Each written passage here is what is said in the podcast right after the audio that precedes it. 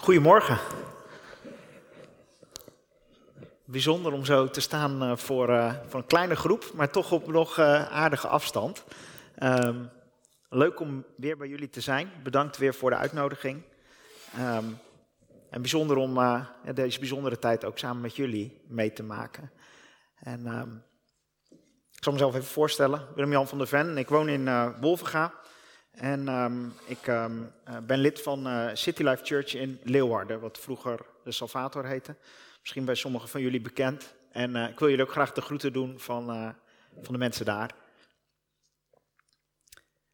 Vanmorgen heb ik het met jullie over connectie of disconnectie. En um, eigenlijk wil ik beginnen voordat ik ga preken met een bekentenis. Want zonder die bekentenis dan voel ik mezelf een beetje ongemakkelijk. Iets, iets persoonlijks wat ik graag met jullie wil delen. Want anders lukt het gewoon niet om met het thema aan de slag te gaan.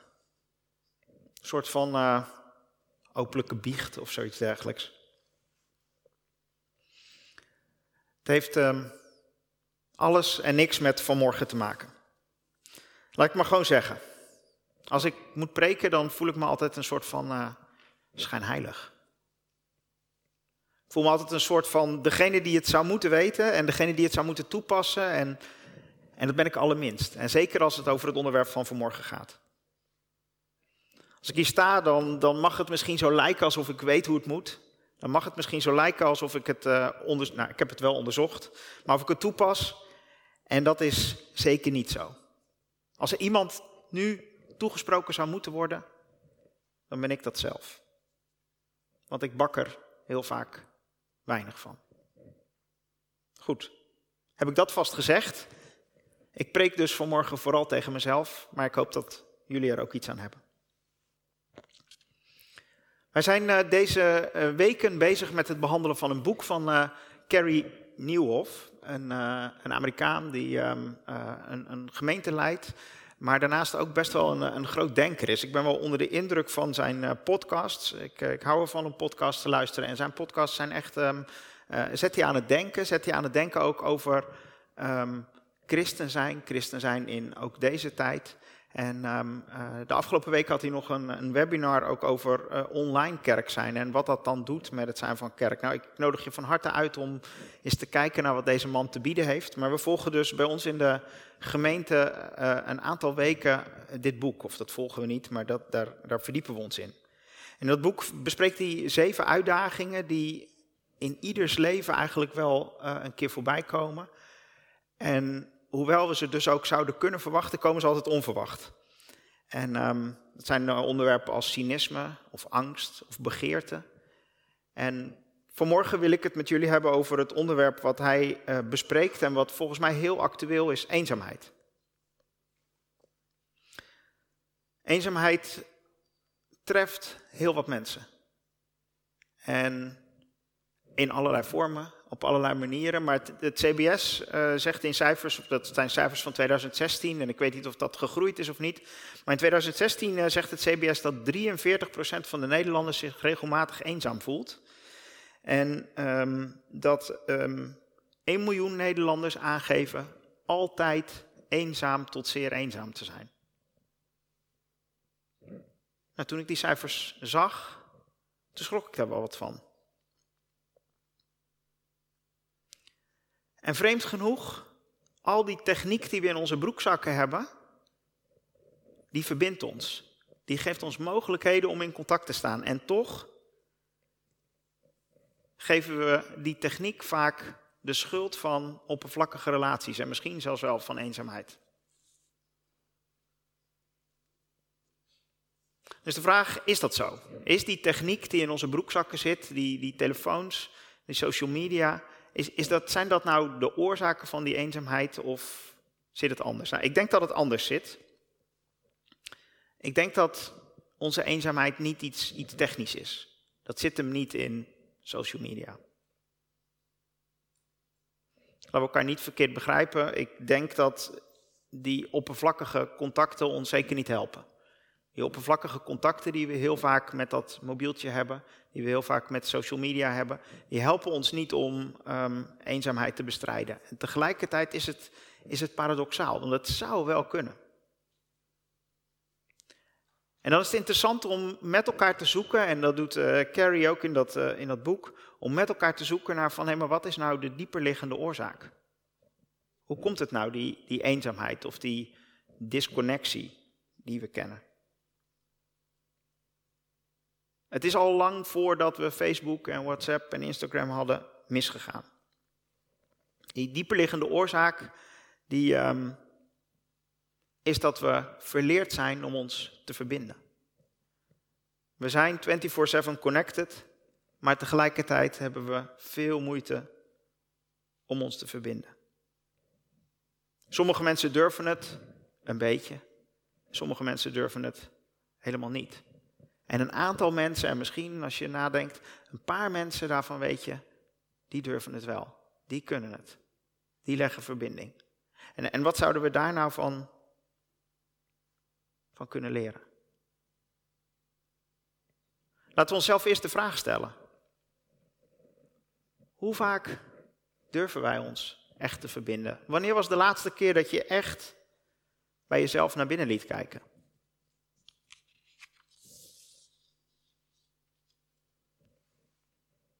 Bij mij komt die, of dat gevoel van, van schijnheiligheid nu dus naar boven. Want ik moet zeggen dat dat niet zo heel vaak gebeurt bij mij. Die vraag is voor mij echt een reële vraag. ik vind dat wel pijnlijk als ik, als ik dan teruglees hoe de schepping bedoeld is, hoe, hoe ik bedoeld ben, hoe wij bedoeld zijn. Dan zijn we bedoeld om ons te verbinden. We zijn bedoeld in de perfecte situatie om continu 24/7 connected te zijn met, met God en met elkaar. Laten we Genesis 2 eens bekijken als Adam daar nog alleen is. Dan zegt God in Genesis 2 vers 18, God de Heer dacht, het is niet goed dat de mens alleen is. Dan sla ik even een klein stukje over, dan ga ik naar vers 23. Toen riep de mens uit, eindelijk één gelijk aan mij. Mijn eigen gebeente, mijn eigen vlees. Eén die zou heten vrouw, uit een man gebouwd. En dan vers 25. Beiden waren ze naakt, de mens en zijn vrouw. Maar ze schaamden zich niet voor elkaar. Zo is het bedoeld. Zo is het bedoeld, verbinding. Zonder schaamte. Onbedekt. Als we in vers 25 even naar het Hebreeuwse woord kijken, wat daar uh, als naakt staat, dan um, um, zou je ook kunnen lezen dat het volledig open ten opzichte van elkaar is. Aarom, dat betekent onschuldig of onbedekt, onbeschaamd. Er is geen, geen kennis die maakt dat er iets bedekt zou moeten worden. Er is dus niets te verstoppen. Adam en Eva zijn verbonden in, in alle openheid met elkaar. Ze zien de ander zoals de ander is en ze laten zichzelf zien zoals ze zelf zijn. Men hoeven maar één bladzij om te slaan en dan gaat het mis. we kennen allemaal dat verhaal van die, van die vrucht die gegeten wordt. En dan is alle onschuld weg. Er is bedekking nodig. Dat lezen we in 3, vers 7. Genesis 3, vers 7. Toen gingen hun beiden de ogen open en merkten ze dat ze naakt waren. En dat is dan dus uh, naakt zonder die onschuld.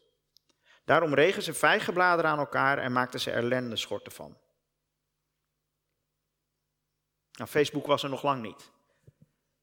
Smartphone was er nog lang niet, maar daar ging het dus al mis. Daar, daar ligt, ligt de diepere grond, denk ik. En ik wil met jullie kijken naar wat er toen misging en wat er ten diepste dus daar stierf. En waar we nu nog steeds last van hebben als je kijkt naar die, die cijfers van eenzaamheid of gewoon onze moeite om ons te verbinden in het algemeen. Want zelfs al ervaar je misschien niet of zou je het woord eenzaamheid niet gebruiken, ik denk dat verbinden iets is waar we allemaal in meer of mindere mate moeite mee hebben.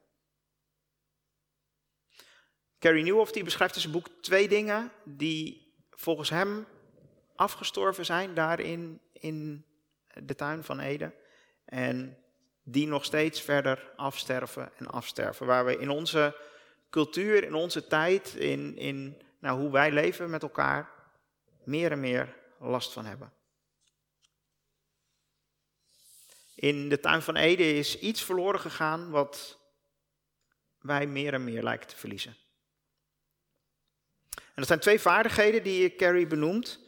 En die twee vaardigheden, die wil ik eerst met jullie eens bekijken van, hey, wat hebben we nou verloren?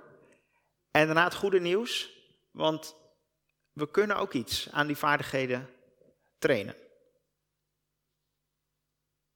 En de eerste vaardigheid, dat is de vaardigheid om echte gesprekken te voeren.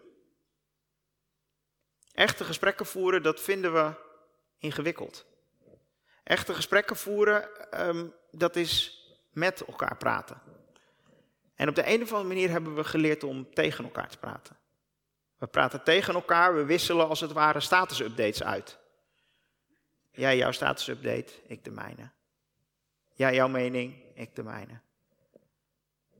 Jij jouw boodschap, ik de mijne. Maar met elkaar praten is iets anders. Dat is niet afbakenen van dit antwoord zou ik willen geven. En tijdens het antwoord van de ander bezig zijn met jouw reactie. Dat is echt luisteren. Maar onze gesprekken, als we niet oppassen, worden, worden schraal. En disconnectie is dan het gevolg. Nou, en daar is het dan de techniek, dat mobieltje, wat dus opnieuw niet helpt. De platforms die we gebruiken, die accommoderen onze wens om status-updates uit te wisselen. Die, versterken dat vooral zenden. En nou ja, eh, als het al luisteren is, dan is het toch um, zendend luisteren, om het zo maar te zeggen. Dat is paradoxaal genoeg. We zijn 24 uur per dag, 7 dagen per week verbonden. Maar een echte verbinding is er niet, want het is zenden, zenden, zenden, zenden.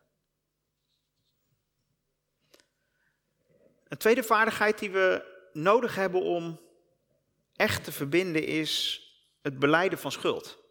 Of het bekennen van verantwoordelijkheid, het bekennen van betrokkenheid. Carrie Nieuwhoff die heeft het over confession, wat je ook zou kunnen vertalen als biechten. Nou, dat woord zijn we een beetje kwijtgeraakt. Um, en dat hoeft denk ik niet per se in een, um, in een houten hokje met kleine gaatjes.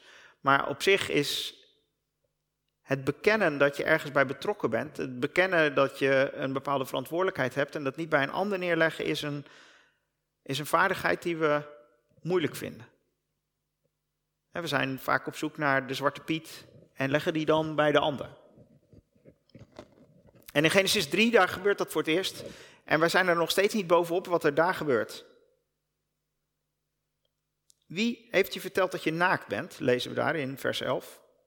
Heb je soms gegeten van de boom waarvan ik je verboden had te eten? vroeg God aan de mens. En dan antwoordt de mens, ja, de vrouw die u gemaakt hebt om mij terzijde te staan, heeft mij vruchten van de boom gegeven. Ja, en toen kon niet anders, heb ik ervan gegeten. Dat ik kon niet anders, heb ik eraan toegevoegd. Dat moet ik dan natuurlijk zeggen, maar dat zien jullie op het scherm ook. Waarom heb je dat gedaan? vroeg God, de Heer, aan de vrouw. En zij antwoordde, ja, het was die slang. Die slang, die heeft mij verleid en toen heb ik ervan gegeten. Daar gaat het mis. Daar gaat het mis, dat, dat, dat bekennen van betrokkenheid, bekennen van verantwoordelijkheid, beleiden van schuld. Dat zijn we verleerd. Transparant, open, laten zien wie we zijn. En dat is onderdeel van onze natuur geworden. We zijn er allemaal beter en beter in geworden om zoals Adam, zoals Eva, excuses, uitvluchten, verklaringen, rechtvaardigingen te verzinnen. We hebben het tot een soort van hogere kunst verheven. En dan kunnen we allerlei mensen bedenken die dat ontzettend goed kunnen.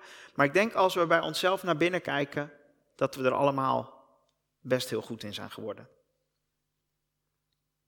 Het komt door een opvoeding. De overheid heeft een steek laten vallen. Ja, onze cultuur is nu eenmaal zo. Ik kon niet anders, want hij en zij. Nou, vul maar in. En we zijn dan bezig met een, met een bedekking opbouwen. En laten onszelf niet meer zien hoe we daadwerkelijk zijn.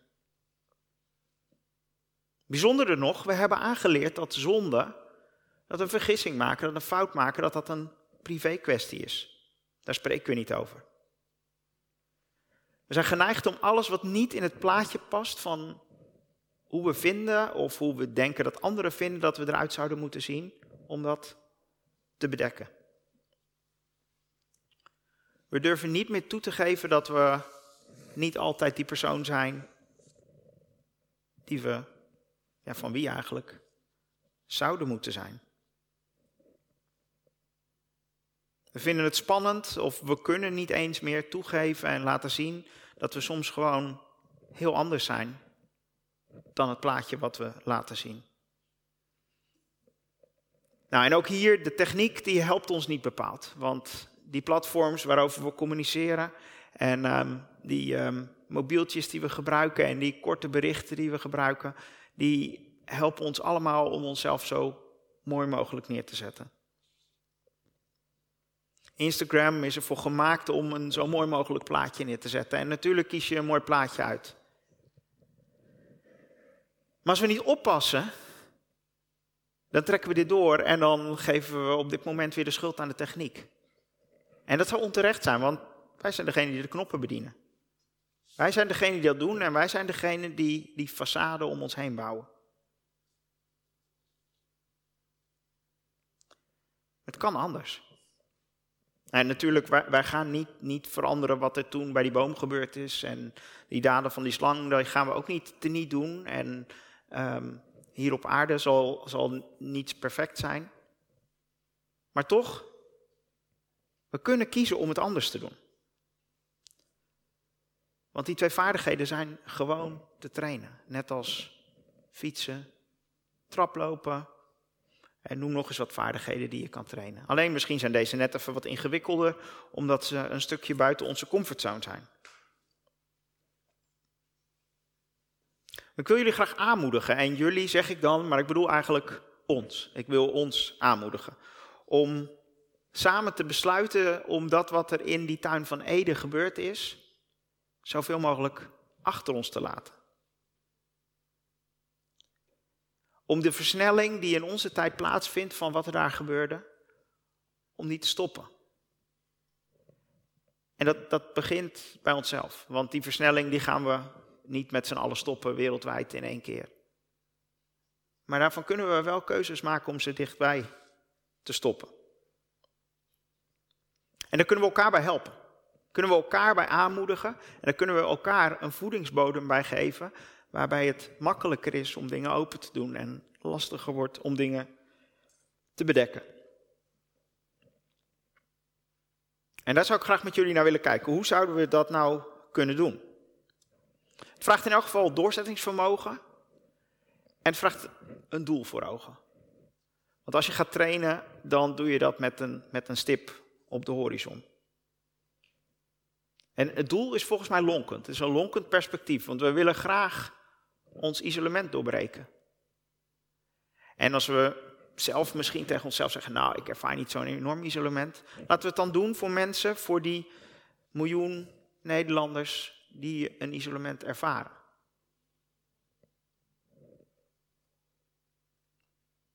De eerste vaardigheid die we zouden moeten trainen, volgens mij, is de vaardigheid van echte gesprekken voeren. En in echte gesprekken gaat het om twee dingen. We stellen daar vragen die oprecht zijn, die iets van de ander te weten willen komen en die echte vragen zijn. Dus dan zijn we niet alleen bezig met zenden, maar we zijn aan het vragen. En als je vraagt, dan zul je ook echt moeten luisteren. En tijdens het luisteren bezig zijn met luisteren en niet met je eigen antwoord weer formuleren. En dan zegt Carrie Nieuwhoff in zijn boek wel iets moois waarvan ik dacht, die wil ik wel met jullie delen. Hij zegt, als je langer luistert dan de meeste mensen luisteren, dan hoor je dingen die de meeste mensen nooit horen. En ik dacht, nou, dat is wel een cool perspectief. Daar werd ik wel enthousiast van. Maar toen dacht ik daarover na. En hier kun je natuurlijk op allerlei momenten in trainen. Maar volgens mij kan het ook gewoon nu. Sommige mensen zitten een beetje ver uit elkaar. Maar volgens mij kan het toch gewoon. Ik zou graag drie minuten willen nemen. Om, en dan rekening houdend met die anderhalve meter afstand. Maar om eens even te kijken of dat, dat lukt. Om een echt gesprek te voeren. En ik had daar wat discussie over met iemand. Kan je nou in drie minuten een echt gesprek voeren? Nou, in drie minuten kun je natuurlijk niet een echt gesprek voeren zoals je dat zo mooi in drie uur zou kunnen doen. Maar ik denk dat we in drie minuten ook met elkaar een gesprek kunnen voeren dat verder gaat dan wat heb je afgelopen week gedaan? Wat voor werk doe je? Lastig hè, die corona. En wat vind jij van een mondkapje? Want dat is wat we heel vaak doen in drie minuten. Ik ook. En ik wil jullie uitdagen om in de komende drie minuten eens even met elkaar te praten over wat betekent verbinden voor jou. Nou, dat mag je op allerlei niveaus insteken. En daarin kun je ook um, eventjes bedenken van, nou ja, hoe, ver wil ik gaan en hoe ver wil ik die, uh, die verbinding maken. Maar ik zou er even drie minuten voor willen nemen. Dus uh, kijk eventjes dat je iemand om je heen hebt om, om mee te spreken. Dat mag ook met z'n drieën. En dan is dus de vraag, wat betekent verbinden voor jou?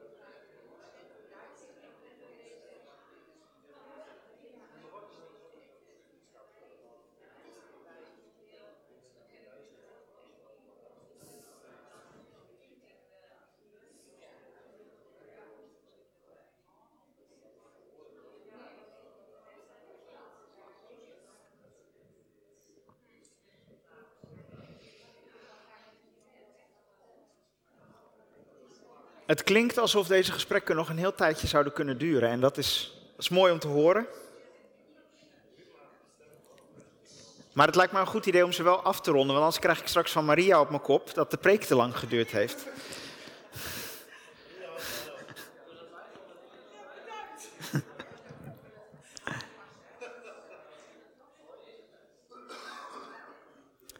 Ik ben wel benieuwd. Is er iemand die, die zou willen delen wat verbinden betekent? Of waar jullie opgekomen zijn in jullie gesprek?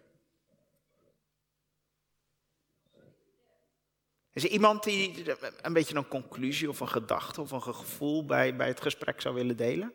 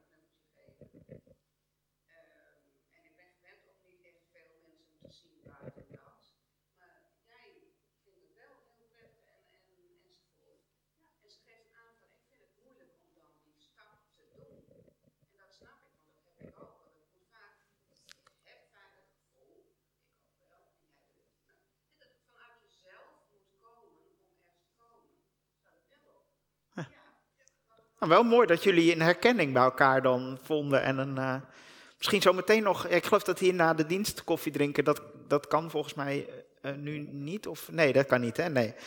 Nee, dat, nam ik even aan dat dat niet kon, maar dat kan natuurlijk gewoon um, elkaar, en dat geldt niet alleen voor jullie, maar voor iedereen. Dat is natuurlijk mooi om, om komende week nog eens te zeggen van, um, hey, laten we elkaar eens even opbellen, of laten we gewoon eens even een kop koffie bij elkaar drinken, of thee, om, om, om hier nog eens op door te gaan.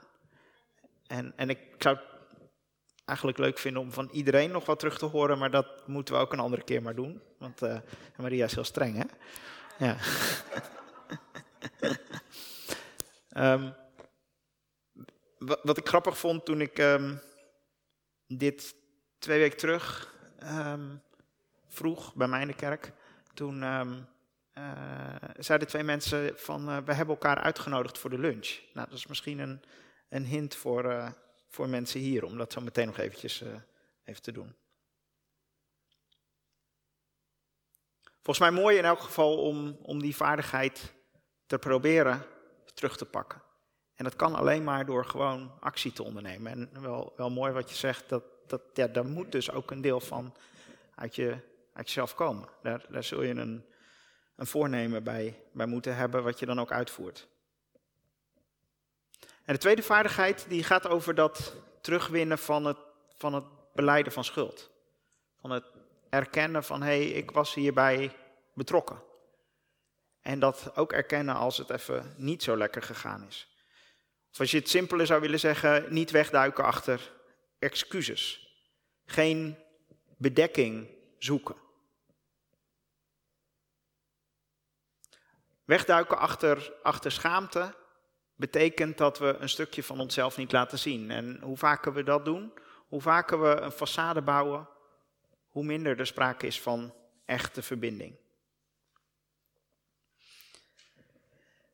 En dat is ingewikkeld. In een wereld waar we gewend zijn om het mooie plaatje te tonen en daar dan zo'n hartje op te plakken door te dubbelklikken.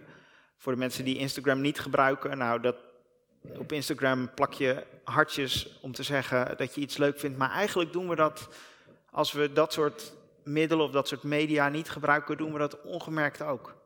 Heel snel het mooie plaatje neerzetten en wegduiken voor onze zwakheden. We vinden het moeilijk om ons kwetsbaar op te stellen. We vinden het moeilijk om te tonen daar waar het net eventjes niet lekker is gegaan. Echtheid van verbinding ontstaat juist door te laten zien wie we echt zijn. En niet door te laten zien wie mensen verwachten dat we zouden moeten zijn. Ja, dat hoeven we niet te laten zien. Die verwachting, die is er al. Nou, deze tweede vaardigheid die gaan we niet hier nu zo bij elkaar oefenen, want dat is misschien net even een klein beetje te spannend. Of we moeten hier dan allemaal van die biechthokjes gaan timmeren of zoiets dergelijks. Maar dat, dat gaan we deze zondag niet doen. Ehm, ik wil je aanmoedigen om, om dat in, nou ja, daar een, een besloten vorm voor te vinden. En ehm, eh, ik weet niet of die, dat jullie, jullie huiskringen misschien digitaal bij elkaar komen. Of dat jullie huiskringen misschien wel in kleinere groepjes opgesplitst bij elkaar komen. Dan zou dat een mooie plek kunnen zijn. Of gewoon je eigen familie. Maar het kan ook gewoon in een telefoongesprek zijn met een van de leden van je, van je huiskring. Of met nou ja, wie dan ook maar dichtbij staat. Maar ik moedig je aan om ermee te oefenen. Om ermee te oefenen om op een andere manier te opereren dan hoe we net in Genesis 3 lazen. Dat verhaal van je verbergen achter de vrouw of achter de slang. En het bijzondere is dat als je actief die bedekking probeert weg te pellen, als je dat aan de ander laat zien, hé, hey, ik ben bezig om dat weg te pellen, dan ontstaat er ook verbinding. Dat, dat werkt als het ware een soort van in het kwadraat. En als je dan ook nog zegt, bijvoorbeeld in je huiskring, hé, hey, maar we willen ook elkaar gaan helpen, we willen een klimaat creëren waarin dat afpellen lukt, dan werkt het, nou ik ben niet zo wiskundig, maar volgens mij twee keer in het kwadraat of zoiets dergelijks. Ik ben er zeker van dat je deze vaardigheden kunt trainen. En ik um, heb mezelf met deze preek twee weken terug aangesproken en ben sindsdien een aantal dingen in elk geval gaan doen. En ik zal niet zeggen dat ik nu um, een ster ben en dat deze preek van morgen niet weer gewoon op mij gericht was, maar ik merk er wel iets van. Ik merk ervan dat ik um, wil focussen op wat, wat zegt de ander nou. En dat ik het, um, het vluchtige een klein beetje voorbij wil gaan. En ik heb dan twee dingen ontdekt waarvan ik denk dat dat handige tips zijn om in elk geval toe te passen. En de eerste, die, die zongen we eigenlijk vanmorgen al dwaal niet af. Focus en vermijd afleiding. En wat ik twee weken terug heb gedaan, is dat ik alle meldingen op mijn telefoon heb uitgezet. En ik heb het de afgelopen twee weken nog steeds volgehouden. Nogmaals, techniek is niet de oorzaak van het feit dat, dat wij uh, bepaalde keuzes hebben gemaakt als mens. Maar het helpt ons zeker niet om elke keer een melding te krijgen van iets oppervlakkigs. Op het moment dat we eigenlijk de diepte in willen. Je telefoon opnieuw storen kan dus helpen, maar misschien zegt ook uh, iemand anders wel, ach die telefoon die zit altijd gewoon in mijn handtas en dat, dat is helemaal niet het punt. Nou zoek dan eens naar andere bronnen van afleiding. Staat de tv altijd aan in de huiskamer? Helpt dat om je gedachten te ordenen en diepte te geven?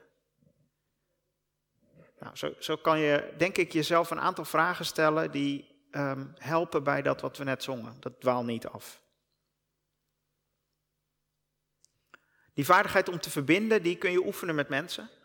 Maar die kun je zeker ook oefenen met God.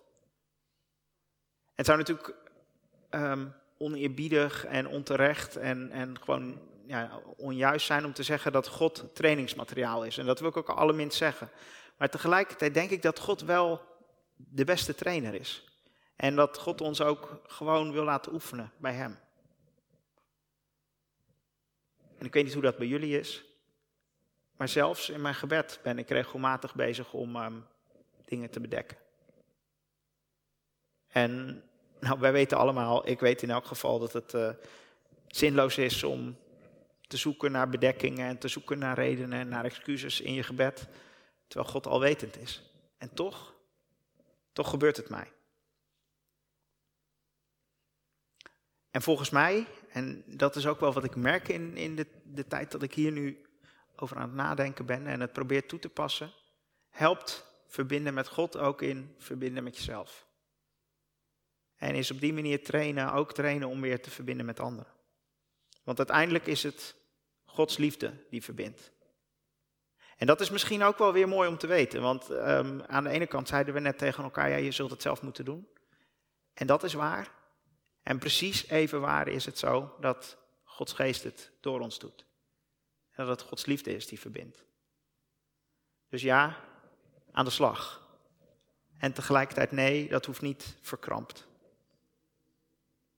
Wat ik gaaf vind is dat, en daar wil ik mee afsluiten, dat Jezus voor zijn discipelen, maar eigenlijk ook voor ons bidt in, in Johannes 17.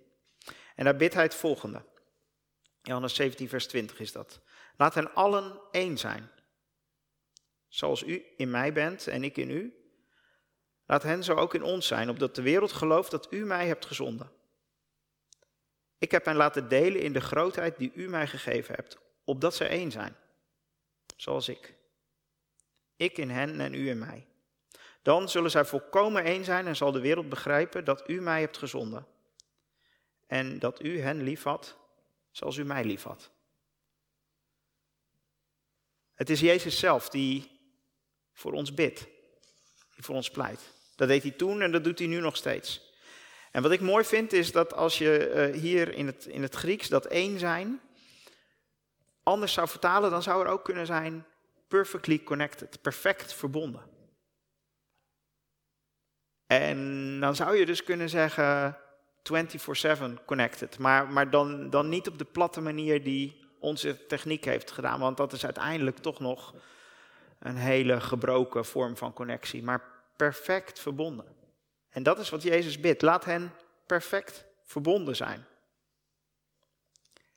En in dat gebed draait het om liefde. Liefde met een hoofdletter.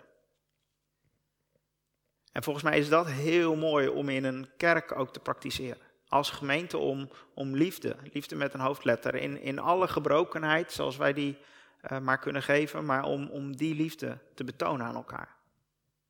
Want liefde is volgens mij de atmosfeer om bedekkingen weg te nemen.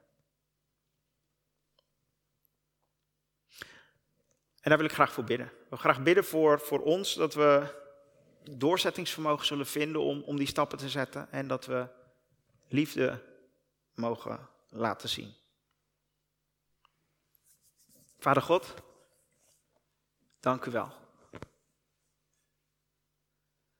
Dank u wel voor de enorm grote en betrokken God die u bent. Dank u wel hoe bijzonder het is dat u zo groot bent en tegelijkertijd zo dichtbij wilt zijn. Dat van uw kant de perfecte verbinding er al is. En vader, ik wil u uitnodigen. Ik wil u uitnodigen bij mij, ik wil u uitnodigen bij ons, ik wil u uitnodigen bij mijn broers en zussen die hier nu voor mij zitten of die hier nu op dit moment niet zijn om, om te komen. Om te komen met uw verbindende kracht. Dank u wel dat u geen disconnectie kent en dat u er altijd bent. Dat u heelt, dat u opent en dat u dingen wilt ontdekken. En vader, ik wil u bidden voor doorzettingsvermogen als we willen trainen. Ik wil u bidden voor helder zicht op die glanzende stip op de horizon. En ik wil u bidden voor een atmosfeer die ons ook helpt. En tegelijkertijd een, een geest die er helder op is om de atmosfeer niet de schuld te geven.